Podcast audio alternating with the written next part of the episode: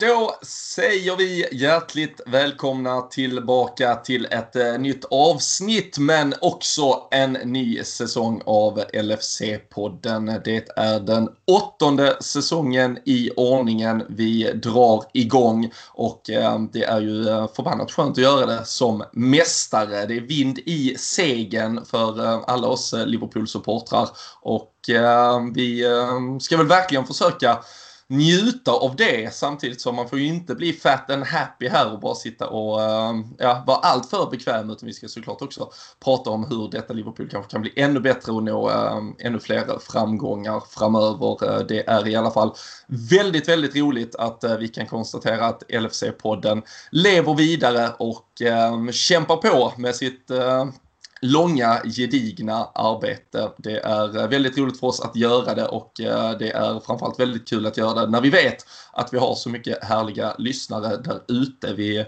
fick ju en härlig avslutning med åtminstone några av er på Olivedal i Göteborg i slutet av eh, förra säsongen som bara slutade för några veckor sedan när vi lyfte pokalen på Anfield-Chelsea-matchen eh, där som var den näst sista i ordningen. Och sen avslutades ju säsongen några dagar senare mot Newcastle. Eh, spelarna har haft eh, två veckors ledigt, börjar så sakteliga trilla tillbaka i Liverpool och eh, vi tog eh, en vecka ledigt, lite drygt, men eh, vi kör igång direkt. Vi har saknat detta för mycket. Så eh, ni gör väl som ni brukar, ni sätter er till rätta. Ni eh, kanske njuter av en sista semestervecka. Vem vet, eh, var ni än är så är ni i alla fall hjärtligt välkomna tillbaka till ett nytt avsnitt, en ny säsong av LFC-podden.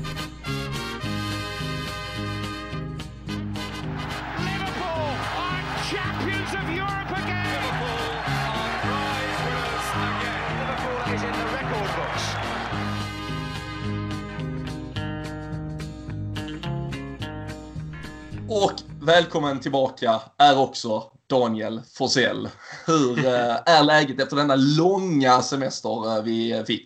Nej, men det tackar vi för. Det är ju magiskt att kliva in i en eh, ny säsong som du säger som mästare av allt. Och nu gäller det bara att sätta upp nya mål för vad, vad vi ska försöka lösa kommande säsong. Vi har väl haft någon dryg vecka som du säger här. Ja, nu var inte jag med er och spelade in den här säsongsepilogen. Så såklart, då har man ju eh, lite, lite mer, eh, kanske två veckor i alla fall, under fötterna här. Så eh, hänt en del ändå, även om, ja vi ska komma in på det. Det är nya tröjor och det debatteras ju kanske mest flitigt. Och sen är det vad som händer och inte på värvningsfronten då. Så som du säger, det är väl inte mer än rätt att vi kommer in nu när spelarna börjar trilla tillbaka in på Melwood och Liverpool igen. Man har ju bara kunnat följa dem på diverse semesterupptåg här nu de två senaste veckorna. Ser ut eh, som att de flesta har haft det ganska gött eh, vad det verkar. Så det hoppas vi att ja. Eh, du och resten av poddgänget här också har haft. Ja men verkligen och nu uh, har man uh, fortfarande lite möjlighet att njuta av lite svensk sommar och semester så är det ju, uh, ja det är väl till och med sol i Sveriges regnigaste stad Borås har jag hört rykten om. Ja, det är jag länge sedan jag såg regn här. Men nej, det är som du säger. Det har väl, den svenska sommaren har väl kommit här nu. Det var väl någon gång runt midsommar. Det var någon fin dag eller två i hela landet. Men nu känns det väl som att det är eh, överallt. Eh, om jag ska dra den vidare så är det ju till och med bilder från Söderhamn som har eh, skickats ut från ja, Kalle Sundqvist. Att det inte ens är snö där uppe. Så jag menar, det är, nej, det är nog fan sol överallt. Ja, det måste det vara i så fall. Men jag måste ju säga, jag hann ju eh, få en eh, klump i halsen eh, här för några veckor sedan när det kom ut att Peter Moore skulle kliva ner som VD för Liverpool och då känner man ju direkt, vad har vi för bra VD-alternativ här? Vi har ju en ordförande i Svenska Supporterklubben, Danne Forsell. Man tänkte nu lämnar han podden och drar över och ersätter.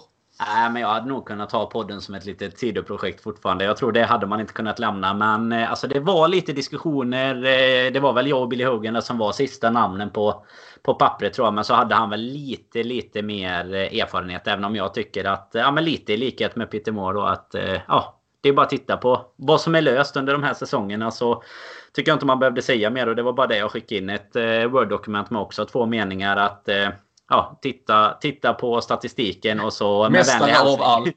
ja, precis. Och så med vänlig hälsning var en, en mening också. Så, men eh, det räckte inte hela vägen den här gången. Vi får väl se vad som händer eh, kommande period här. Eh, vi, vi kanske ska börja där då. Ska vi toucha den lite? Jag Det, ja, det var ju lite om du, du skojar lite om att det var en klump i magen. Men det första när man såg det tyckte jag att så här. Nej, vad fan har hänt nu? Tänkte jag när jag såg eh, bara första alltså rubriken på att han skulle gå. Eh, sen läste man ju ganska fort såklart att ersättare och sånt redan fanns i någon klubb och så vidare. Men eh, man har ju ändå fått någon. Jag kan inte säga att jag direkt har haft någon, någon eh, det är väl för titlarna kanske, men någon liknande så här relation till någon eh, VD. Så jag tycker ändå att han har eh, han har varit ganska aktiv även med saker utanför planen minst sagt. Alltså med så här foodbanks och hela den biten. Eh, vad man kan följa på Twitter och, och sånt. Så jag vet inte. Det, det var lite tråkigt när det visade sig att han skulle lämna. Men eh, det verkade väl vara en del av en större plan helt enkelt redan från början. Ja men så är det ju. Det, det har väl aldrig varit någon hemlighet. Alltså, Billy Hogan har ju varit i, även involverad uh, väldigt, väldigt högt upp i hierarkin ändå i klubben redan. Och uh, uppenbarligen ett namn som FSG uh, eh, håller väldigt, väldigt högt. Um, och kanske har än mer eh, styrka i eh, liksom, eh, det kommersiella drivet och det kan man ju tycka vad man vill om det. Du nämner ju som sagt Peter Moores styrka kanske såklart som en otrolig affärsman på alla sätt och vis. Annars hade man inte haft den karriären han har haft. Men kanske då med ett litet mer också då korn av det här verkligen gedigna, alltså kärleken till staden, ser lite utanför eh, vd-rummets eh, fyra väggar och eh, har ju varit väldigt omtyckt och också till och med alltså, ganska lättillgänglig. Eh, alltså, det har ju till och med liksom varit eh, fall där man har sett eh, folk som i stort sett har kontaktat honom via Twitter och liksom han, ja men skickat DM, vi löser alltså på ett sätt som jag såklart förstår att alltså, det går aldrig att upprätthålla i, i slutändan. Det var också situationer i, i Napoli till exempel var det ju en supporter som hade ja, fått glasflaska i huvudet som lite det är väl tyvärr nästan äh, mer äh, standard än undantag när man åker dit där. Men Peter Moore tar då liksom ett, eh, ett annat flyg hem, ser till att han hinner komma in på sjukhuset och, och sådär. Och, ja, men det, det känns ju som att han har haft en väldigt öppen persona till, liksom, eh, till tjänsten och velat knyta band mellan alla delar av, av klubbens både ja, men lokala supportrar, lokala initiativ också det internationella eh, såklart. Han har gjort en, en karriär både i, i England tidigare och sen i, i USA har ju förstått alla delar antagligen av den här leken det ändå är och spelet man ska spela för att det ska bli eh, liksom väldigt bra och lyckat. Och sen, eh, sen är det ju bara att konstatera att han kom in i eh, februari 2017. Eh, några månader senare då löste vi första Champions League-biljetten där då på, på några år och, och sen är det ju en framgångssaga rakt igenom som liksom slutar med alla de uh, finaste och största pokalerna och, uh, och som du säger att uh, alltså, en, en VD som man kommer ha en sån relation till och liksom minnas det namnet och det, det ansiktet och liksom den insatsen han har gjort. Det, det känns väl ganska uh, långsökt och kanske nästintill otroligt att man kommer ha igen i framtiden. Ja, men lite så. Eller känslan är väl densamma. Jag tycker det största som, eh, som du även nämner där, det är det här att han ändå såklart inte kan svara på precis allt som kommer in via sociala medier och sådär. Men, men ändå de här stora bitarna har han ändå plockat upp. Och, och varit jäkligt aktiv i. Du, du nämnde Napoli. Det var även eh, Sean Cox där hela den eh, grejen som hände mot Roma i just den nämnda Champions League-kampanjen som följde där. Och, och allt kring honom och hur det liksom har har uppmärksammats. Sen, sen eh, kan man väl vara lite cynisk och säga att det är såklart att det är bra PR för honom att lyfta, lyfta upp den typen. Men ja, men just det här att man har sett att typ någon någon, eh, ja, något random fan lägger upp en bild från liksom tre timmar innan matchstart. Men då står han där nere och hjälper till vid foodbank till exempel. Och sånt, eh, det ger ju, alltså i en klubb som Liverpool tror jag att det ger ganska mycket extra. För att det är en väldigt lång väg mellan liksom eh, folket som, som ska gå på matcherna upp till de där vd-rummen någonstans. Och eh, alla, alla saker du kan göra för att korta den vägen om man säger så. Det tror jag uppskattas något eh, extremt i just den typen av klubb. För eh, det är ju ändå så att eh, jag tror att många är tudelade i det av de lokala fansen i alla fall. Att dels vill du bara ha det lokala och du vill liksom värna om att eh, alla dina kompisar och, och ja, grannar ska kunna gå på matcherna och så vidare. Men du vill ju också vara en klubb som eh, är mästare av allt och då eh, kommer du behöva hela den kommersialiseringen. Och vi ska komma in på Nike och nya tröjor och, och vad olika, vilka olika siffror det kan göra mot New Balance och så vidare. Och, ja, då, det är svårt att få allt. Och kan du däremot då få en eh, VD och, och, resten såklart av klubbledningen och sådär. Och att man bara får en känsla av att de faktiskt bryr sig om vad som händer i staden. Och, och utanför styrelserummen och fotbollsplanen också. Så, så är det klart att det uppskattas. Så att vi får väl eh, tacka honom för de här eh, ja, drygt tre och ett halvt åren som det ju nästan han blir. Och precis som du nämnde i början så verkar det ju ändå ha varit en del av en, en plan hela tiden. Och han ska väl tillbaka till eh, staterna med familjen och sådär. Så, där, så får vi väl tro att eh, Billy Hogan kommer väl fortsätta i samma... Ah, han går väl i de upptrampade fotspåren helt enkelt. Som, eh, han har ju ändå varit i, i klubben och hela den biten. Så jag tror väl inte att man utifrån kommer att se så stor skillnad i alla fall. Nej, så, så är det ju såklart. Och eh, det, det, visar väl eh, ja, men också alltså, att kunna vara så välmående som förening. Att du kan göra ett ett VDB, alltså det finns ju tyvärr går det väl oftare hand i hand med dåliga resultat mm. när stora förändringar sker uh, och då brukar också alternativen och ersättarna vara lite mer desperata än alltså, eller, alltså sättet man gör den rekryteringen på så att säga brukar vara lite mer desperat.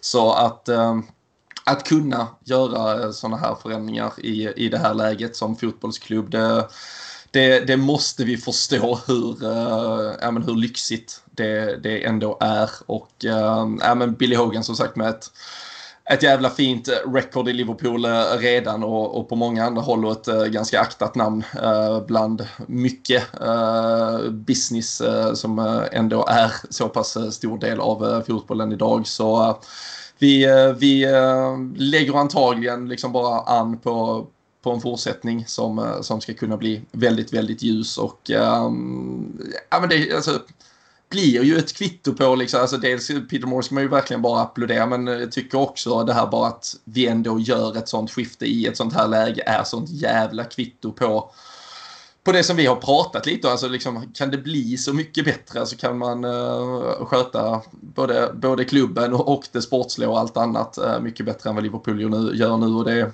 det känns tveksamt och uh, det är väl bara vi lyfter på hatten för Peter Moore och så är vi uh, jävligt tacksamma att uh, du stannar då i supporterklubben och att LFC.se fortsätter att vara en, eh, en viktig del då också för uh, oss här i, uh, i podden såklart. Uh, det är ju jävla fint att vi har dem med oss alltid och det ska ju ni som lyssnar såklart veta att de fortsatt är och förhoppningsvis alltid kommer vara. Och har ni inte löst ert medlemskap nu inför kommande säsong så är det ju såklart hög tid. Eh, ni har ju en dryg månad fram till eh, säsongstart men eh, vill man inte vara med, alltså man ska ju inte liksom kanske pusha att man ska vara medgångssupporter men liksom kan vi inte ens få ner er i båten nu när det verkligen är sådana här jävla tider att vara Liverpool. Då, då blir det svårt Anne. Nu är det, nu är det de sista vi försöker hasa ner här.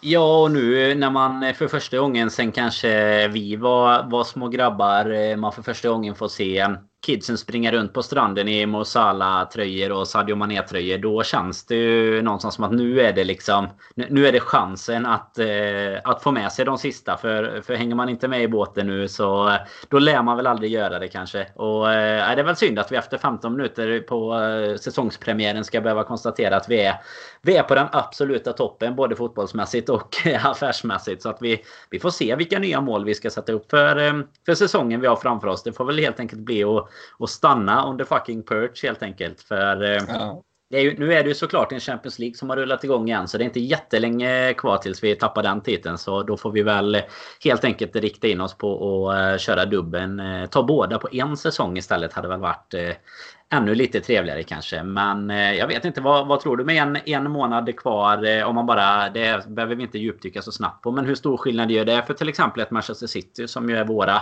största konkurrenter såklart. Att de ska igång och spela här nu när det egentligen bara, ja som vi säger då, fyra veckor kvar till vi ska sparka igång Premier League. De har beroende på givetvis hur det går då. Men eh, ett antal matcher här under kommande, det är väl en, två veckor som de ska spela klart mm. på här. Så vad, hur stor skillnad tror du det gör? Eller kan det till och med vara positivt för dem att få spela ihop sig? Ja, men alltså, I det här läget kan det ju nästan... Alltså, de hade ju dessutom returmötet mot Real och spelade mm. i slutet av förra veckan.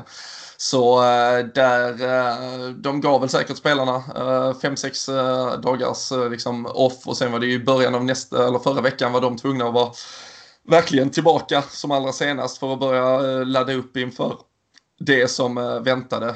Nu är de på väg till Lissabon och Portugal då för att spela det här ja, lite märkliga Champions League-slutspelet. Jag såg någon nyhet igår om den här värmeböljan som vi konstaterar i Sverige. I Portugal hade det väl varit 44 grader i, i helgen och nu ska man ner där och spela om det nu går som det ska för Citys del och de hoppas på att spela tre matcher eh, där nere och ha då finalen den 23 eh, augusti. Sen eh, är det landslagshelg där den, vad blir det, fjärde, femte, sjätte, sjunde typ september och då finns det ju väldigt många spelare i ett i ett lag som Manchester City som ska iväg och spela med sina landslag eh, och eh, där kan det väl såklart vara att det finns en del påtryckningar och är det inte väldigt viktiga matcher, vilket det inte är i alla fall, så, så kanske man kan få lite ledigt där. Men, men eventuellt så är det ju alltså, en sommar där de faktiskt inte får någon ledighet alls och eh, sen pratas det väl visserligen från, från Premier League-håll kanske med att man då ska ge ett eventuellt lag i final. Eh, United har ju samma scenario ungefär i eh, Europa League. Jag eh, tror väl den finalen ligger ett par dagar tidigare. Men, men ändå, där det kan innebära för dem också att det inte blir någon ledighet och att man kanske får spelledigt den första helgen. Premier League drar igång där sen den 12 september. Men då blir det ändå, alltså, så här, ja du kan ju ge dem ledigt men den matchen den stryks mm. ju inte. Då ska den spelas mitt i veckan kanske när alla andra får lite återhämtning och sådär. Så det, det, det bör väl på pappret, det pratas mycket nu inför den här Champions League, kanske så här, de som har vilat två veckor eller de som har vilat en månad eller hur mycket man nu, var det kan vara. Och där finns säkert jättemånga olika och där kan till och med säkert vara fördel för de här som har varit igång med säsongen. Men att inte få något break alls inför den mest intensiva säsongen som som vi kanske någonsin, alltså nu var det ju, kom det bara information för någon dag sedan om att ligacupen, där stryker man ju bara dubbelmötet i semifinalen och annars mm. är ju faktiskt planerna att liksom driva den som vanligt. Och, alltså, ja, att Liverpools lag vi ställde upp med mot Aston Villa, det känns ju som att det kommer vara mer regel än undantag. Att eh, det blir ungefär den typen av gäng som får spela de här matcherna ifall man ska orka. Så, så någon fördel för Manchester City och delvis då Manchester United som kanske får samma, det tror jag inte. Det kommer vara i alla fall att spela så mycket matcher som det nu ser ut att bli. Nej, och sen är det väl som, som vi har nämnt så många gånger innan så är det klart att eh, tar man City som exempel så är ju deras truppbredd en, en typ av annan med deras motsvarighet till Aston Villa-gänget. Det är ju ändå Gündogan och, och gubbarna som eh, går från bänken och ska spela då ungefär. Så att det är ju det är lite skillnad där också. De har ju redan satt igång sin eh, shopping spree med Aki och Torres där hittills. Så vi får väl se. Men eh, jag är väl inne på samma spår som dig annars. Jag tror inte att det blir någon fördel i alla fall. Eh, snarare få se hur mycket nackdel det skulle kunna vara då för ja, men spelare om man blir slitna och sådär. Men vi får ju också se tillbaks på våra alltså somrar med mästerskap och sådär. Så har vi haft en Sadio Mané till exempel som typ inte har vilat någonting på hur många år som helst och ändå bara fortsätter att leverera. Så mycket beror väl också på hur, eh, hur kroppen är byggd för de olika spelarna och, och lite kanske vilken hjälp man har vid sidan av också. Men framförallt såklart att man lyckas hålla sig från de här eh, största skadorna. För det är ju det som det är ju det som kan hända såklart om man eh, spelar lite för mycket. Och nu, vi skjuter ju ändå ja, en dryg månad. Vi hade ju annars satt igång ungefär vid den här tiden. Eh, det var ju bara, det var väl igår, igår var, var det ju igår, ja, som det kom som där. premiären. Precis, så att det är ju ändå en månad som ja, men ska spelas in såklart. Eh, någon annanstans under säsongen. Så eh, ja, det, det kommer ju bli intensivt ändå som du säger. Och det är världens mest onödiga dubbelmöte som är ligacup-semifinalen. Att det stryks i en match, det handlar ju bara om, om max fyra lag som då får det, ja, någon fördel ska man väl inte säga om det. Men en, en eh, veckomatch mindre. Och det kommer ju inte göra någonting eh, om du jämför med alla Europa League och Champions League och, och sådär som eh, man ska spela. Så vi får väl se. Men vi hoppas ju aldrig att någon ska bli skadad såklart. Men att folk är slitna, det tackar vi inte nej till i, i den ljusblå delen av Manchester. Nej, nej, så är det ju verkligen. Och äh, men det blir ju alltså, jag, jag tror det kommer vara jätteviktigt att få en, en bra start äh, i det här. För det, mm, du kommer ju vara perioder där du antagligen måste rida lite på ditt mm. momentum uh, och där det liksom kan vara jävligt svårt att, att hitta nya vägar och, och börja trolla och, och, förändra saker och ting. Så um, nej, det är väl alltid viktigt med en bra start men uh, att få det nu kanske blir än viktigare. Men eh, det är ju fortfarande några veckor kvar i alla fall så vi ska väl eh, landa i ett eh, rejält uppsnack när vi väl kommer dit. Men man märker så här direkt i säsongspremiären Danne att vi är sugna på att börja prata ligafotboll igen. Vi vill ju försvara det där jävla guldet, ta nummer 20 och uh, ja, då, då är det inga diskussioner längre vilket som är absolut störst, tycker jag i alla fall. Nej men sen men, är det också det här att vi nu, man är ju alltid, nu hade vi ett väldigt ofrivilligt uppehåll under föregående säsong här men eh, vi satt ju ihop här för två veckor sedan ungefär och kikade på den sista matchen för säsongen och den, den var väl lite, inte sömnpiller ska man inte säga så, men den gällde ju ingenting och, och pokalen var redan lyft och så vidare. Men alltså när man, det räcker ju att man sitter så här två veckor eh, utan eh, fotboll och så tycker man igen att äh, vad fan nu, nu måste det snart vara dags. Nu, nu känner man ju det här eh, lite suget. Alltså man behöver lite, lite vila kan man behöva. Men nu, vi har ju också haft en lite längre vila om man säger så i och med att vi har haft så många matcher som inte har spelat eh, någon roll mer än eh, för de här rekordjakterna och så vidare då. Så att nu är man ju mer sugen på att få igång matcherna också som som gäller någonting liksom varje vecka. Och det, det säger man nu. Sen kommer man sitta där och ändå tycka att eh, det kanske inte alltid är underbart att, eh, och sitta och stressas och våndas över det. Vilket det oftast eh, handlar om. Men eh, man vill ju ändå igång och få pulsen liksom. Det är ju det man... Nu har man ju fått till och med känna på lite Premier League-fotboll i juli. Så nu känner man att nu kan vi ta det när som helst. Och eh, nej, nu, det börjar bli dags nu. Även om det är en månad kvar så eh, lite träningsmatcher och sånt kanske snart kan börja sippra ut i alla fall. Ja, nej, verkligen. Vi, vi kommer såklart som eh, vanligt eh, att äh, även under denna säsongen av LFC-podden att äh, ja, men köra på med avsnitt direkt det behövs så att säga. Kring äh, varje match så kommer ni kunna lyssna till oss både innan och efter. Vi brukar ju numera ligga på två avsnitt i veckan och fram till premiären så blir det väl lite samma upplägg. Ett, liksom ett fast avsnitt kommer alltid finnas, oftast på måndagen och sen så dyker vi väl upp eh, igen om eh, det händer något eh, stort vad gäller kanske spelartransfers eller om det börjar spelas träningsmatcher där det finns saker och ting att rapportera kring. Vi, vi är där Liverpool är. Vi, vi lever i samma bubbla Danne och kör på helt enkelt. Så tror jag att det här kommer bli ännu en minnesvärd säsong eh, både på det vi ser på planen och eh, det som våra lyssnare får lyssna till här. Men eh, vi nämnde i förbifarten Nike-tröjan, rättigheter, vi pratade lite business här tidigt. Har, ja, du är ju från textilstaden Borås så det känns ju som att även den orakelhatten bär du med trygghet och med pondus. Ska vi få något expertutlåtande på Nikes första ehm, ja, produktion för oss? Ja, men jag, jag, tycker ju, eh, ska man liksom bara sätta ett eh, första betyg om man säger så tycker jag att den är jäkligt läcker. Eh, jag tycker att eh, det är eh, lite inte... Alltså jag gillade den här röda, lite mörkare röda som New Balance bytte till här för ett par säsonger sedan och har kört med. Nu är vi lite tillbaks till den, den klassiska klarröda liksom. Men eh, tröjan i sig var... Alltså första intrycket eh, kanske att den var 6 av 10 och nu är jag nog uppe på kanske 8 av 10 och nosar eh, ungefär. För jag tycker att den blir bättre. Som alla tröjor blir bättre med med tiden helt enkelt. Hela tiden. Så fort man ser nya bilder, det kablas ut och man ser dem i lite mer Eh, vad ska man kalla det? Natur, alltså att spelarna har dem på sig på sina matchbilder till exempel. Eller de profilbilderna jämfört med att du bara ser den i något ihopklipp på uh, liggandes på ett bord på Nikes. Uh, alltså första launchen om man säger så. så. Då tycker jag att den uh, ser bra ut. Sen har jag inte införskaffat den än. så jag har inte sett hur, hur snygg den är på en själv. Då går den säkert upp till 9 av 10 kan man ju tänka sig. men nej, ja, känslan är bra ändå tycker jag. Nike, alltså vad ska man säga, enkelt, eh, stilrent. Eh, det är väl det, är det här gröna som eh, har skapat debatt. Ja, vi, vad säger, vad säger du om det gröna?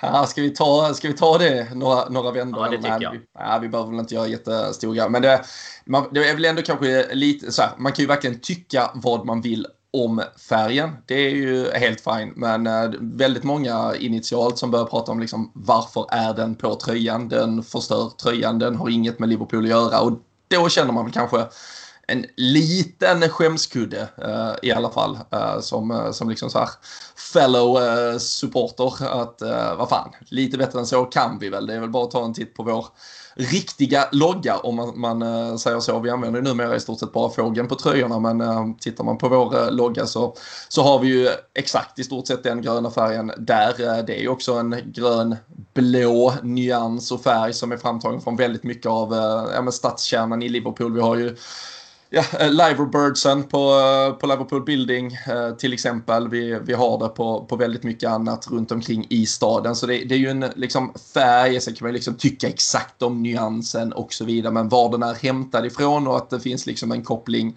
till både staden och klubben i valet av den. Det, det råder det ju i alla fall inga tvivel om. Och eh, jag tycker själv också det, det är snurrigt som du säger. Liksom, den, den stiger ju varje gång och framförallt ser man van Dijk i den då är det ju, då är det ju typ 10 av 10 direkt. För det, det går ju inte att misslyckas där liksom. Och det, det är ju uppenbart att eh, det här i slutändan. Men man ser också, där tycker jag väl kanske, alltså först, jag håller verkligen med. Alltså tröjorna, matchtröjorna, New Balance har varit eh, otroligt snygga.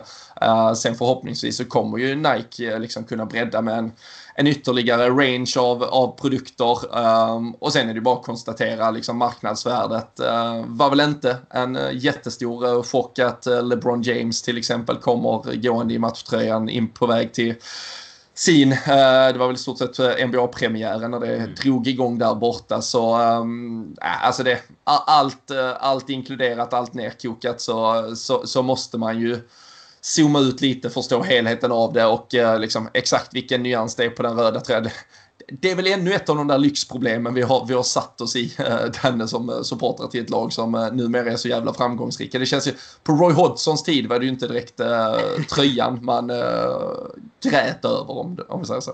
Nej, eh, och ibland kanske det till och med var det enda man hade att glädjas över om det kom en snygg tröja i och för sig. Så, eh, och det gjorde det fasen knappt eh, ens då. Men nej, men jag tycker också det är precis som du säger, man får tänka lite bortom hur själva tröjan ser ut. Nu är det säkert olika hur vi använder dem. Eh, jag ser dem sällan ute på eh, liksom eh, restauranger och krogarna. Så att de flesta har väl dem, förutom om det är match såklart. Utan de flesta har väl dem i de lägena man ska klä upp sig för matchen. Och då, då är det klart att då är inte den gröna färgen, den röda nyansen och så vidare det absolut viktigaste. Utan det viktigaste är ju i förlängningen såklart vad det kan ge Liverpool som klubb. Jag tror att det är det som så många, det är ju där diskussionerna går. Att någon sitter och tycker att äh, fan det ska inte vara den här gröna färgen. Medan nästa tycker att ja, fast det är ganska bra att vi tjänar tre gånger så mycket pengar på tröjan som vi gjorde eh, förra säsongen och så vidare. Och och det är det ju såklart i, i slutändan. Och du var inne och touchade på det här att eh, de ger ju en annan bredd på andra produkter med. Och det kan jag bara tipsa om att man går in och kikar. Eh, jag vet att eh, vår eh, poddkollega Jocke Lundberg var inne och, och klickade hem en bra badge ifrån eh, ja, men Det är väl slut, det är väl slut i shoppen efter att uh, han har varit där. Jag, ja, det lä, jag, jag det såg kvittot kan jag säga. Det, Ja, det var, det var några årslöner han pumpade in eh, där. Så han, eh, det är därför han inte är med här nu. Han har inte käkat på åtta dagar. Så han är lite vimmelkantig. Men, jag, jag jobbar extra nere i hamnen idag. Men de har mycket, mycket annat snyggt och sen är det precis som du säger det här marknadsvärdet man får av att andra. Det är ju det, alltså det är klart att de flesta vet det här men det kan ändå vara värt att, att berätta att idag knyts ju även fotbollsspelare, andra idrottsprofiler och så vidare. De knyts ju också, knyter sig och skriver ett kontrakt med ett varumärke. Så till exempel LeBron James och nu såklart är han inblandad i, i FSG och hela Liverpool-dealen också. Men även andra. Eh, liksom, eh, vi, vi, får ju mycket marknadsföring i, i Championship just nu av eh, Akin Femba till exempel. han, han är mest som Liverpool-fan bara. Men, eh, nej, men många som, som kan hjälpa till och liksom dra Liverpool och Nike eh, gemensamt. Och det kan man tycka vad man vill om. För det är klart att eh, New Balance, då, då var vi lite mer deras eh, flaggskepp om man säger så. I Nike är man mer en i mängden. Men eh, samtidigt då så är det, pratar vi helt andra summor om man nu ska, ska värdera in den businessdelen också. Där går det inte att konkurrera Men något annat. Alltså det är väl Adidas i stort sett då som, eh, som kan konkurrera liksom. Jag menar Nike finns ju verkligen. Du, hittar ju, du kommer hitta tröjan överallt vart du än. Vilken liten eh, butik eller världsdel eller eh, land du än hamnar i här efter pandemin så kommer du hitta tröjan. Och så är det ju inte riktigt med New Balance. Även om du såklart kan hitta den på diverse marknader i andra uppföranden ändå. Men eh, här kommer du kunna hitta den riktiga Nike-versionen. Och det är kommersiellt eh, oslagbart. Och det kommer ju i förlängningen också att hjälpa klubben att ta sig framåt. Och förhoppningsvis kanske till och med lite investeras i spelartrupp. Även om det är många som tror att pengarna ska gå rakt ner i John Henrys fickor. Men jag litar lite hårdare på FSG så jag tror att det kommer hjälpa oss att, att komma framåt också. Nej, jag tror, eh, jag tror också definitivt att uh, det här är uh, liksom rätt, rätt steg uh, att gå så att säga. New Balance det har ju varit lite, jag tycker, jag tycker dels de gjorde otroligt snygga tröjor till oss här i slutet och har funnits en, en del andra bra produkter. men samtidigt liksom det är också en, de fick också en, en resa av oss om man säger så som antagligen överträffade alla eh, förväntningar för deras del.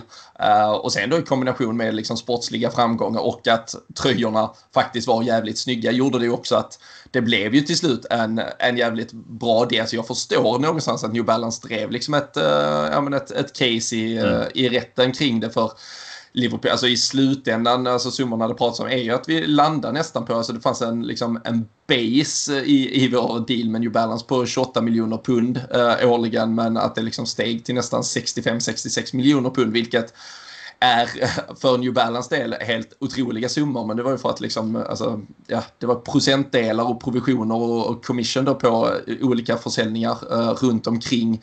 Men sen måste man ju då förstå att Liverpool ändå väljer att driva det här, den rättsliga processen, även om det var en ganska enkel match har man väl förstått i slutändan för att byta till Nike. Då är det ju såklart med en ganska stor övertygelse om att det här kan bli ännu mycket mer pengar och där finns en en, en jättebra tråd på, eh, på Twitter. Jag kan, eh, kan, vi kan länka ut den från, eh, från poddens konto sen där man går igenom de här siffrorna ganska bra detalj. Och eh, basen i det nya kontraktet med Nike, det var ju det som var mycket diskussion i början, att den var ju väldigt mycket lägre än vad till exempel andra konkurrerande klubbar har. Men räknar man lite på summorna, potentialen med otroligt mycket, som du sa, bredare liksom ja, men den bredare försäljningsplattformen som, som Nike har kontra vad New Balance hade. Hur mycket ungefär eh, liksom i antal sålda tröjor och framförallt då produkter runt omkring sen. Det, kan ju, det liksom räcker med ett par skor där du sätter en Liverpool-logga eller ett eh, YNVA på på något sätt så, så har du ytterligare produkter som genererar löpande avkastning till Liverpool. Och då, då pratas det om att eh, Manchester Uniteds rekorddeal med Adidas, jag tror den är på 79 miljoner pund, att eh, det ska i stort sett, skulle vi bara ligga på ungefär samma nivåer som vi gjorde med New Balance så kommer vi ligga strax under den. Uh, och eh, det finns väl däremot väldigt mycket som tyder på att Nike kommer att kunna öka antalet sålda produkter. Och även då som du var alltså det här med att man kanske kan locka över några från fake-marknaden eh, där det i stort sett har krävts till att man får över de här. Även om Nike kanske kan anses vara lite premiummärke, lite dyrare i vissa fall och så vidare. Men kan vi, kan vi bredda bara lite så, så pratar man ju summan alltså upp mot en 100 miljoner pund istället. Och eh, det är ju bland annat en, en Billy Hogan som, eh, som har suttit med i, eh, i de här förhandlingarna. Och det, det är väl inte helt eh, jättekonstigt att börja lägga ihop eh, ett plus ett med kring vad som sker och hur man tänker och vilket jävla fundament vi står på helt enkelt när man förstår alla bakomliggande parametrar. Och sen så tycker jag som sagt, jag tycker tröjan är tillräckligt snygg. Fasar lite mer för andra och tredje tröjorna. Det pratas lite om. Men vad fan, det får väl vara lite som det är. Uh, och uh, så får vi såklart också nämna att uh, Sam Dodds såklart som officiell leverantör i Sverige har, har fått in nu så man kan förbeställa den nya tröjan. De har också fortfarande kvar en hel del New Balance-produkter om man nu känner att den här inte dög kan vi ju absolut med, med stor fördel köra förra årets tröja. Ett varv till. Det finns ju bra Champions-tryck och annat man kan fläska på där också. Men äh, vi är väl ändå ganska nöjda Danne och ser fram emot mm. att, att se våra ståtliga spelare i den här om några veckor. Ja men absolut. Alltså det som du, som du säger med andra tröjor och sånt bara. Det är ju det man... Vi har ju haft en del sjuka tröjor känner man genom åren. Alltså det är, alltså på, på förhand sen har det ändå vad ska man kalla det, löst sig liksom när de väl har spelat i det. Men du vet den här limegröna, den lila, den orange. Alltså det är ganska många så här som man tycker verkligen har blivit eh, tagna helt från, eh, från noll sammanhang om man jämför då med den här gröna färgen på just den här eh, första tröjan som vi har detta året. Men många har ju verkligen kommit från ingenstans. Och det, det känns väl lite som att det ibland är så att de bara vill, alltså det ska bara det ska bara chocka liksom med, med en andra eller en tredje tröja. Och nu, eh, nu är det väl någon, någon lite blåaktig nyans, eh, turkosnyans mm. verkar det som på den här andra tröjan. Men vad fasen, det är lite som Som du säger, den man går på i första hand är ju första tröjan och de andra tröjorna har vi ju blivit eh, blivit besvikna på många gånger förr men det har löst sig ändå och det viktiga är ju ändå i slutändan vad det kan, kan leda till såklart kommersiellt och framförallt hur vi presterar på plan och då spelar nog inte spelar kanske inte tröjan så mycket roll även om jag tycker att det känns som att våran målvaktströja är lite så här paralyserande. Har du tänkt på det när du har sett Alisson mm. i bilderna? Det, det, antingen är det något fingeravtryck eller så är det lite meningen att det ska bli att man ska bli hypnotiserad när man kommer i friläge och han bröstar upp sig där så att kanske en tanke bakom det också.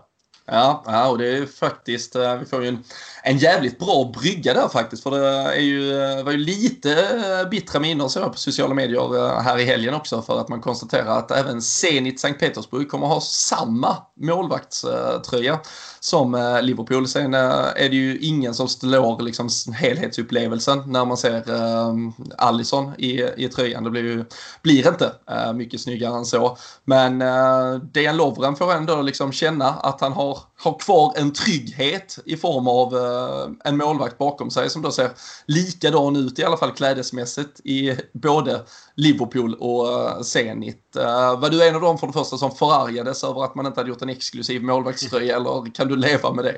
Nej, jag kunde leva med det. Det var ju även kom ut lite bilder på olika träningskläder och sånt som var ja, samma modell fast olika färger bara med Spurs och Chelsea och lite vad det var. Men, men jag överlever nog även detta tror jag.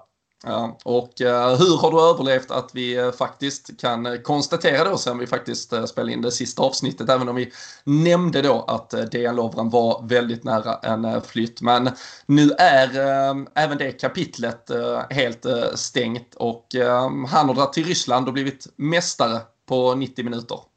Jajamän, det förtjänar han tycker jag. Det är, fin, fin kille som förtjänat sin kritik och förtjänat sina hyllningar men haft eh, minst sagt bra sex år i Liverpool får man ju säga. Och eh, ta med Lalana lite där. För jag vet, jag lyssnade ju på eh, när ni pratade om avsnitt. Då var det inte helt klart med Lalana heller vart han skulle hamna. Det var ju varit klart att han skulle försvinna. Men vi får väl i den här säsongstarten tacka dem återigen och avsluta deras kapitel. Men att han fortsätter titelspåret, det, det är fint. 100% i, i Ryssland så här långt då. Ja, och det är ju liksom så här så han kommer ju lämna, så man kan ju verkligen, man har ju verkligen tyckt och tänkt väldigt mycket om hans eh, insatser under, under sex år i Liverpool, men han lämnar med ja, alla de här titlarna som vi eh, har konstaterat att vi har eh, plockat in de här senaste åren. Vi, vi vet eh, att han var VM-finalist för två år sedan. Han åker till Ryssland. Även om det här var någon suspekt cupmatch på något sätt. Jag var inte väldigt mycket mer insatt än så i det. Men blir mästare direkt. Kommer antagligen liksom avsluta en, en karriär när den väl summeras med, med x antal titlar. Och då kommer man väl nog liksom, man kommer väl skratta bäst som skrattar sig. Alltså det, det är svårt att ta de där jävla titlarna ifrån någon i alla fall. Sen kan man orda om exakt hur mycket påverkan och så vidare. Men har ju alltid varit en spelare i både de här Champions League-racen och även den här säsongen som ändå har, har spelat sina matcher. Mm. Så eh, det är väldigt svårt att ta det ifrån någon i slutändan. Så är det. Han har ju gjort sina, sina starter, sina inhopp och ja, framförallt de här korta inhoppen på tre minuter när Klopp ska in en mittback i slutet av någon, eh, någon anledning. Men eh, nej, absolut. Han ska, han ska ha ha all... Eh, I efterhand så här nu när man vet att han inte kommer komma in och göra några fadäser så ska han ha um, alla hyllningar för vad han har bidragit med i Liverpool. Jag tror, jag ska killgissa lite nu, men jag tror att det var den här ryska superkuppen. Det är väl säkert eh, mot ligasegran på något sätt som, eh, som möttes där. Men, men som sagt, reservation för eh, att en helt oprofessionell eh, gissning. Men det, jag tror, de mötte ett annat ryskt lag och det var... Och det var man brukar ju göra det i de ryska kupperna. Där. Ja, sen vet man ju Sen vet, man ju inte alltid vad, sen vet man inte alltid vad de har i sin supercup bara. Det är ju det. De kanske har någon typ av ligacup och sånt också. Sånt mög där borta i, i Ryssland va. Ja. Mästare är han i alla fall. Vi, vi tackar Dejan Lovren eh, för de här åren. Och Adam Lallana som sagt eh, klar för eh, Brighton. Och där kan... tröja. Ja, jag skulle precis säga det. Där, jag kunde inte kan... hålla mig ens fan, där kanske man ändå är eh, lite avundsjuk i alla fall. Alltså det, det är ju en fördelaktig blå färg de jobbar med. Uh, den, är, den är ju snygg i sig, men uh, där, det var ju Nike också, men jävlar vad den var snygg. Den ja. hade jag inte tackat nej Nej, det kan vara... Nu, nu har man ju inte sett alla Det brukar alltid komma någon artikel när det ska rankas tröjor här innan säsongen. Men den, den ligger bra till inför kommande säsong som kanske är den snyggaste tröjan. Det, det måste den nästan vara. Mm. Har du sett uh, Chelseas andra tröja? Ja, det här Crystal, Crystal Palace-kopian. Ja, precis. Jag, jag, bara, jag har suttit och funderat nu på tal om det här med... När fan kan den användas? Nej, men också lite vad... Nej, precis. Var kan den användas? För det är dessutom blått i den. Och sen lite det här var det röda kommer ifrån. För när vi pratar om vårt gröna då. Eh, så jag tänkte lite så här, för det är klart, de har ju något litet, jag vet inte ens vad det är. De har ju något rött i klubbmärket där allra längst ut, om det är några blommor eller någonting. Men eh, jag fattar, alltså jag det kan jag inte komma ihåg att Chelsea har haft. Eh, ja, de har haft... De har gult och vitt och sådär, men att de har... Eh, de hade något år hade de en, alltså en, en helblå adé, men där det var typ lite röd markering i kragen eller om det var så på ärmslutet. Ja, men, men, lite så som vi har haft vårt gröna på den här ja. tröjan. I den, men, nu är det ju verkligen helrandigt liksom. Och röda shorts tror jag dessutom till va? Ja, och så en eh, tre, som är så ja, jävla blaja mitt på. Så det, äh, den är... Redan första tröjan tyckte man ju med tre-loggan där att eh, ja. ah, fasen, det, var, det var lite sådär. Men eh, nej, den är i motsatt ända av Brighton. Eh, kanske tillsammans med våran andra tröja när den väl kommer officiellt. Sen det vet man ju inte. Men eh, ah, de är lite spännande ändå. Men den var riktigt eh, dålig. Deras ja. eh, kopia där. Ja, och jag tänker normalt sett är du liksom blå, alltså om blå är din färg, när du, sen är det ju när du då möter andra blåa lag, du ska ha en borta, men den här jävla blå rödrandiga blir också jävla skum skit. Men ja, det lämnar vi väl åt, uh, om det nu finns någon Chelsea-podd, uh, tveksam. De, finns, de, de gnäller på Twitter i alla fall, vi får, få se, vi får ta en titt in i, i, i någon tråd där. Uh, något uh, som däremot uh, är snyggare än Chelseas andra tröja det är den tavla som vi har lottat ut. Jag hoppas ingen har missat det. I så fall var det en chans man gick bet på. Vi körde ju lite tävling på Twitter under helgen och Eh, då eh, kunde man bara retweeta, var man Patreon hade man lite fördel där, annars kunde man på något sätt köpa in sig på en liten lott och eh, det är en ruskigt jävla snygg tavla. Jag, jag är dålig på detaljer men det är någon fine art print, super jävla dundermaterial den är framtagen på. 40 gånger 50 cm Jordan Henderson som kysser Premier League-pokalen i en uh, riktigt snygg, uh, ja men lite tolkning då av den bilden. Datumstämplad från dagen då vi lyfte pokalen och uh, annat. Det um, är ett gäng som går under namnet Art by Dutti Eh, som har tagit fram den. Eh, Hampus eh, var glad vinnare av den vi lottade ut igår. Den infon har vi slängt ut på Twitter. Men de här kommer finnas i väldigt, väldigt begränsat antal att beställa nu. den infon finns på Twitter också. annars är det då Art by Dutt med y på slutet där, snabla gmail.com man kan vända sig till ifall man vill ha lite information. Men den gör sig jävligt snyggt. Eh, jag har själv fått hem ett exemplar och eh, dratt upp eh, på väggen här. Så jag sitter och njuter av det nu Danne. Jag stängde, kan stänga ner videosamtalet med dig för att titta på Henderson ett tag istället. Men det får du fan acceptera. Det accepterar jag det är fantastiskt snygg. Eh, är den. Absolut. Det får vi gratulera Hampus till. Den kommer nog göra sig bra på väggen där hemma för hans del också. Och som sagt, in och, och följ alltså de nu. Nu hoppas jag inte att någon som lyssnat på, på oss här i, ja, för åttonde säsongen som börjar nu har missat att det är på Twitter det händer. Men Lite sådana här roliga grejer. Det gick ju ändå ganska fort. Det har ju varit under veckan här bara som, som den tävlingen har pågått. Så, så in och följ oss där om inte annat. För det är tröjtävlingar som pågår hela säsongen. Det är lite sådana här roliga grejer emellanåt också. Och det är väl där den senaste infon finns. Eh, förutom då givetvis i podcastform. Men eh, det är där det händer mest om man eh, vill se vad några idioter tycker även under, under veckorna. ja men precis. Det är, det är bara att söka upp LFC-podden. Och som du sa tillsammans med Samdodds så, eh, så kör vi alltid resultattävling kring eh, varje match. Eh, det blir ju en ah, 50-60 matcher lätt varje säsong så det är ju vinstmöjlighet varje vecka och då, då, krävs det inget mer än att man följer oss på Twitter. Sen försöker vi ju krydda upp det vid en, två, tre, fyra tillfällen per säsong kanske där vi lottar ut lite större grejer och sådär och då ska man ju också vara Patreon. det blir man ju för bara 2 dollar i månaden på patreon.com slash LFC-podden och eh, då kommer man ju också ha förtur till, eh, till annat kul vi eh, försöker att ställa till med. Vi hoppas ju att det blir en höst där livet kanske blir mer vanligt än vad det var här i våras. Och så snart vi kan och möjligheterna ges kommer vi väl försöka kompensera för allt som man fick ställa in senast. Så nej, Twitter, Patreon och fortsätta lyssna. Då, då har man väl eh, ett survival kit för eh, hösten eh, känns det som. Absolut, och även den här tröjan som vi har snackat om kommer väl antagligen att dyka upp i de här tävlingarna. Det skulle jag kunna tänka mig. Kanske till och med bortatröjan om man har lite tur här under säsongen. Ja, ja precis. Borta. Kan vara enda tävlingen ingen retweetar och vill vara med i. ja, vi får se. Och eh, ja, men en matchtröja kanske dessutom kommer ner i eh, fantasypotten, Danne, till nästa säsong. Och då, ja, interna ligan då hoppas jag. Interna ah. ligan. Annars eh, har man ju ingen chans. Men eh, det, det finns bättre fantasy managers uppenbarligen ute bland lyssnarna. Eh, inte många. 15 stycken var det denna säsongen av... Jag vet inte hur många. De 300-400 kanske som var med. Mm. Men ja, det, var, det var gott att, att vinna internt i alla fall. Det bär jag med mig med stolthet här nu. Ja, den bilden har jag sparat också kan jag säga. Så den kan användas under kommande säsong. Ja.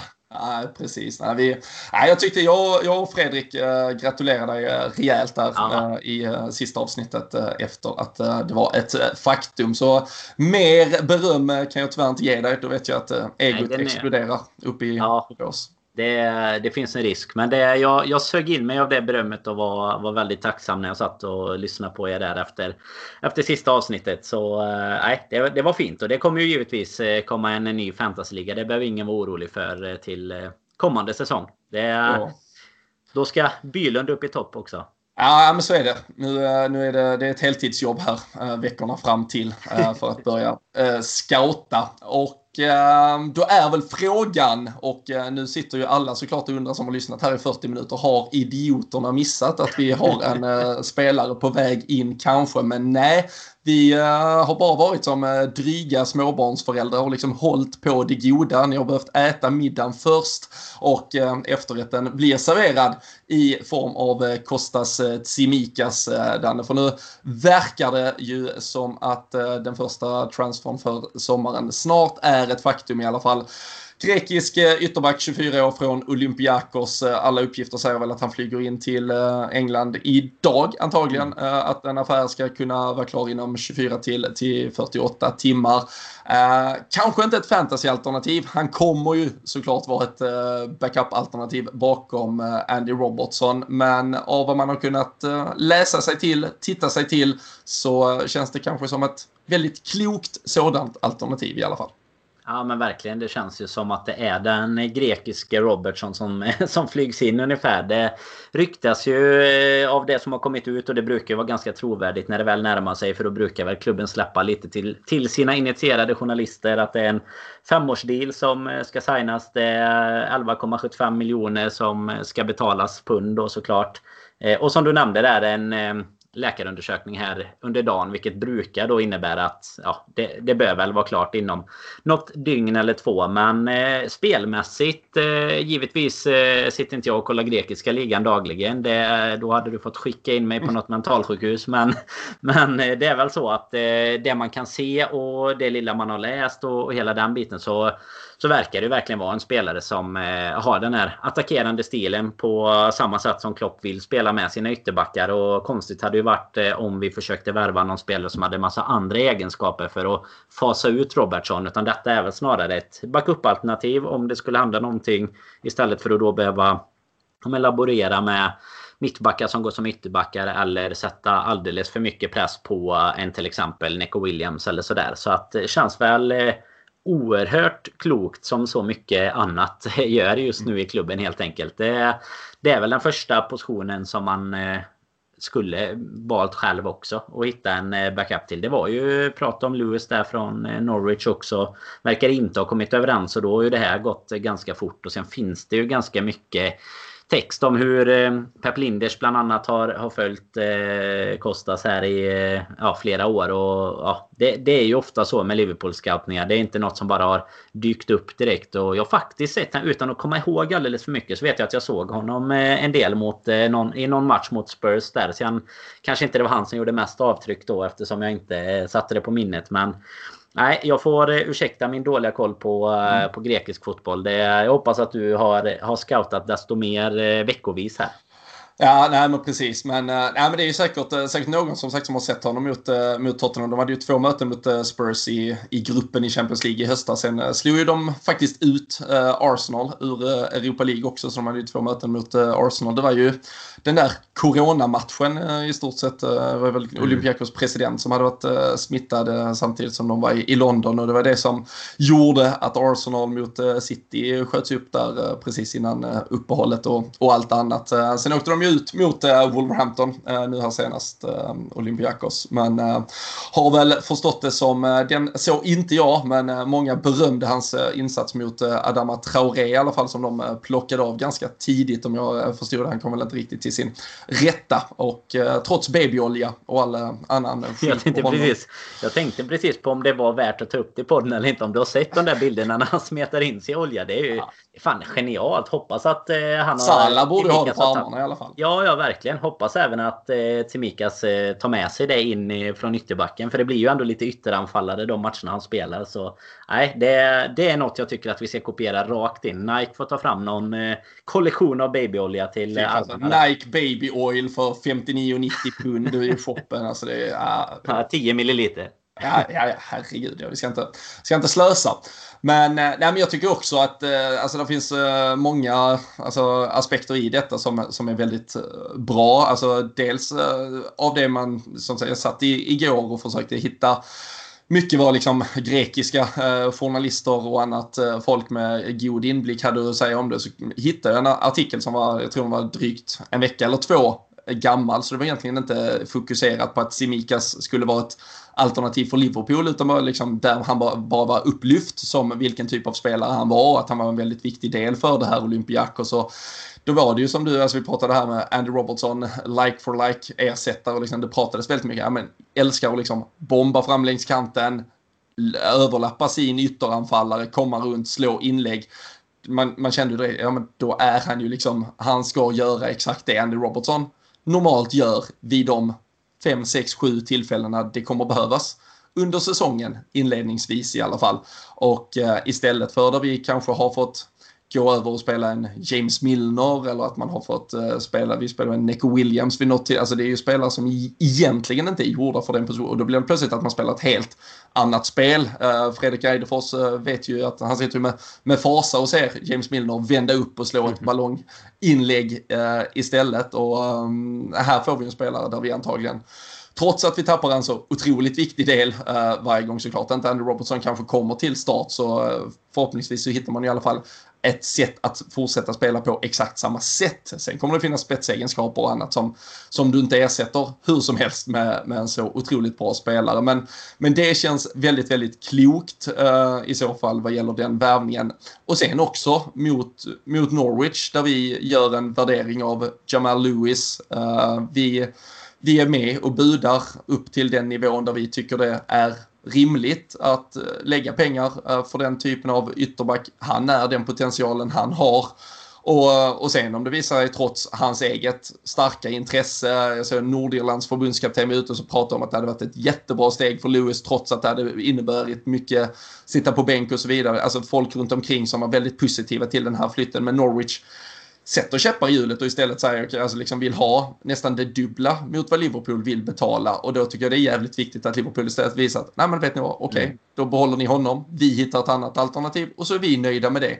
För det är ju ett signalvärde till, till alla andra vi ska göra en affär med att, ja men det här är vi intresserade av, det här är vad vi erbjuder. Vill ni inte, fine, då går vi någon annanstans. Hade vi gått med på att dubbla prislappen, speciellt för jag förstår, letar du en A-listespelare så kan det vara att då är det ju kanske du som är den desperata, då är du som köpare lite mer i det desperata läget. Men det är vi ju inte här och då kan vi inte gå med. Jag såg någon som skrev, vad fan vill Norwich ha 20 miljoner, ge dem 20 miljoner. Men det, så kan vi inte hålla på och dubbla prislappar på varenda reservspelare vi ska ha i laget. Så nej, jag tycker återigen att framtiden får ju absolut utvisa resultatet av det, men eh, på förhand känns det som en, en jättefin och smart affär i alla fall. Ja, och det kan ju mycket väl vara så att detta är en spelare som kommer vara i klubben i ett antal år och inte göra alltså mycket mer än en handfull matcher per säsong. För som sagt, han är nog väldigt medveten om det själv också. Att han köps som en, eh, ett backup-alternativ. Givetvis med, med inställningen själv att han ska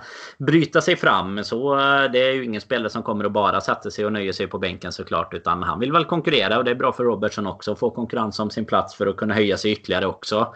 Eh, sen eh, lite som du pratar om det tycker väl jag. Eh, ja, jag är inne på samma spår kring värvningsstrategi så kan man inte bara heller eh, gå med på precis vad som helst. Eh, förstår eh, såklart tanken hos de som tycker att vi lika väl kan lägga upp pengarna på bordet. Men det är ju så att detta alternativet har ju funnits sen innan antagligen redan när man börjar buda på Lewis också. Och då har man väl sagt att okej okay, vi går hit men annars går vi vidare med nästa spelare. Så för den saken skulle behöver inte det var en sämre spelare vi värvar om man säger så. Utan det är väl lite det här med Premier League-erfarenhet och ja, kanske att Norwich blir nedflyttade. Han vill ta ett steg. Jag kan tänka mig att eh, Jamal Lewis själv inte är jättenöjd med att sitta kvar i Norwich eh, jämfört med att gå till Liverpool. Eh, nu kommer väl han mycket troligt hamna kanske någon annanstans istället i Premier League. Det, det har han väl bevisat tycker jag att han eh, håller för. Men eh, nej, det, det är väl han som är den stora förloraren här skulle man väl säga. Varken Liverpool eh, eller eh, någon annan tror jag är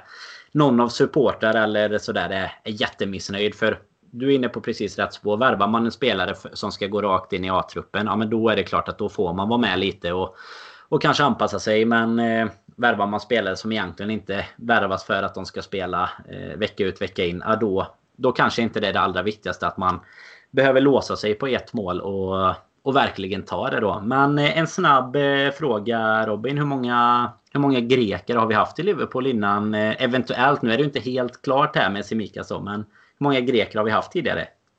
Ja, vi har ju haft en hårfagre Kyrgiakos mm. uh, i alla fall. Och, är det din favoritgrek i Liverpool? Det, det, är min absoluta favoritgrek. Uh, av alla? Ja, av uh, enda kanske. Eller? Ja, det är den. ja, men jag menar av alla, av alla greker som finns ja. tänkte jag på. Alltså inte bara Liverpool. Ja, det är absolut min favoritgrek.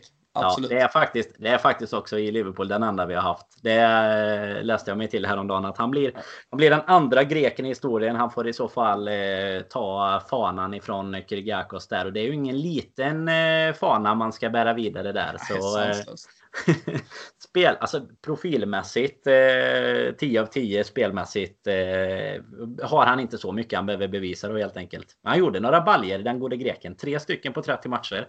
Ja, han spel... inte fy skam för en mittback. Ja, och privat eller personligt minne så är det för han spelar ju faktiskt den här uh, 3-1 matchen mot uh, Manchester United när uh, Köjt gör hattrick. Och um, alla spelare involverade i den matchen kommer för evigt uh, ha en en plats i mitt hjärta i alla fall. Så, ehm, det är väl också nej. en spelare som verkligen, det har man ju pratat om Lovren och sett vad han har sagt nu både när han har lämnat Liverpool och när han kom till Zenit där med att han vill spela med hjärtat utanpå tröjan ungefär och så. Det kan man väl lugnt säga om, om Kyrgiakos i alla fall. Även om det kvaliteten inte alltid fanns där så viljan och, och kämpaglöden den, den fanns fasen där alltså. Det är skönt att vi fick eh, snacka lite om honom här också i, i säsong 8. Det tycker jag han förtjänar.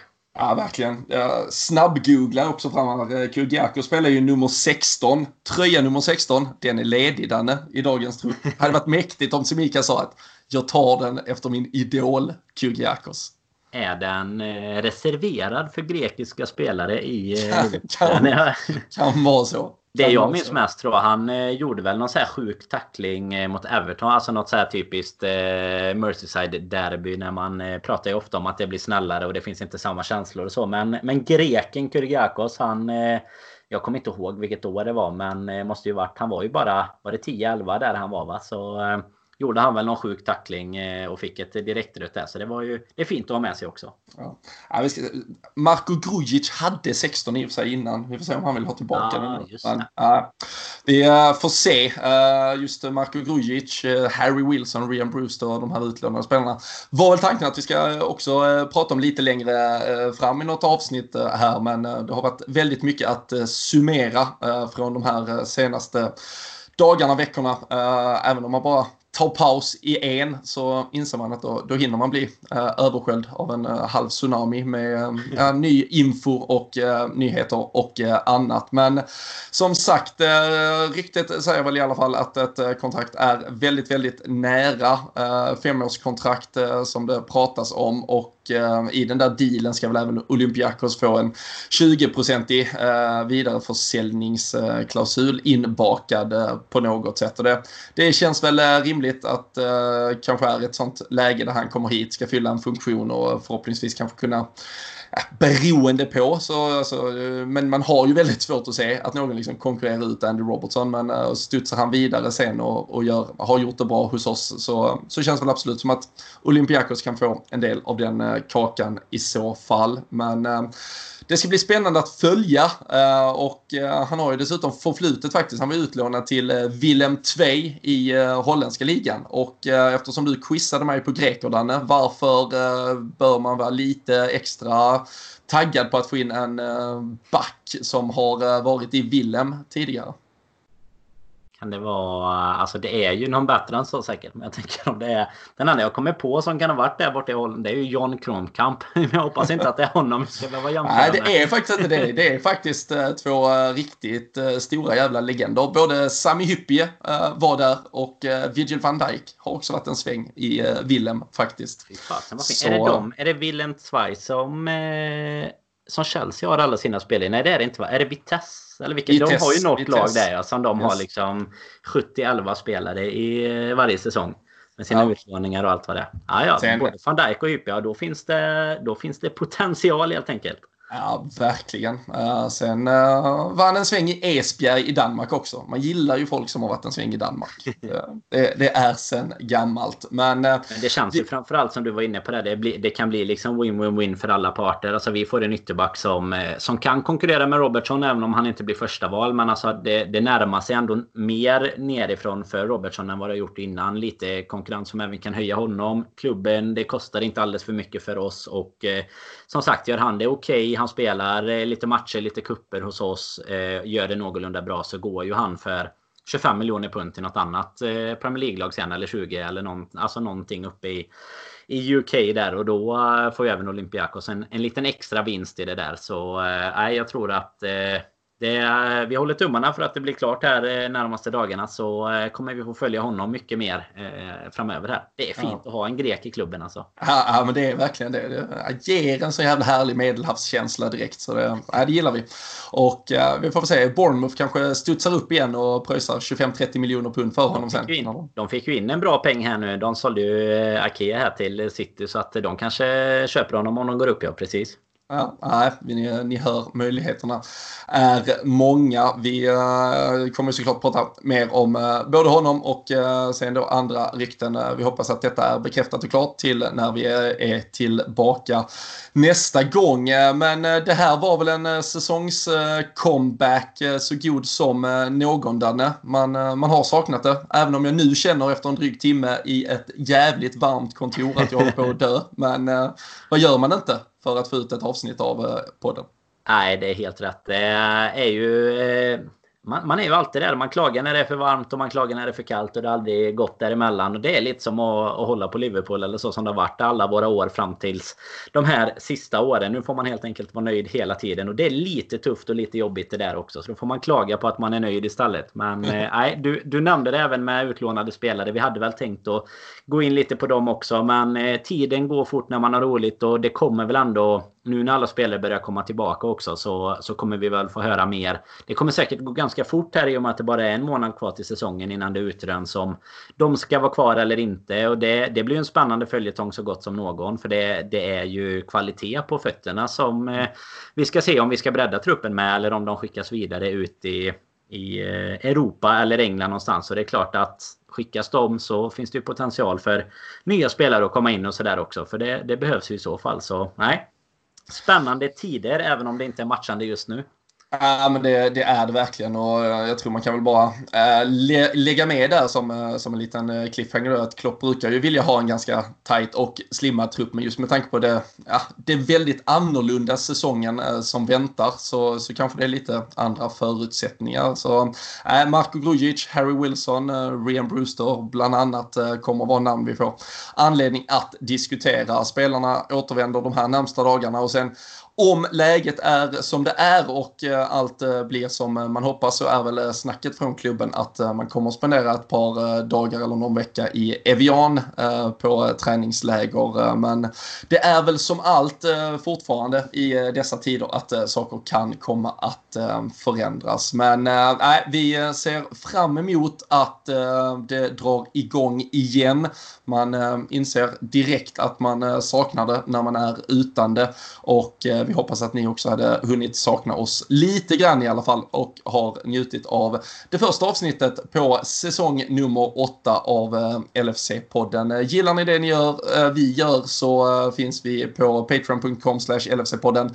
Följ oss som sagt på Twitter, där dyker det upp spännande saker hela tiden. Njut av lite ja, sista sommar ska man ju inte säga. Vi hoppas att den håller i sig lite. Det är härligt. men ta hand om er där ute i alla fall. Håll avstånd och tvätta händer och allt annat så hörs vi snart igen.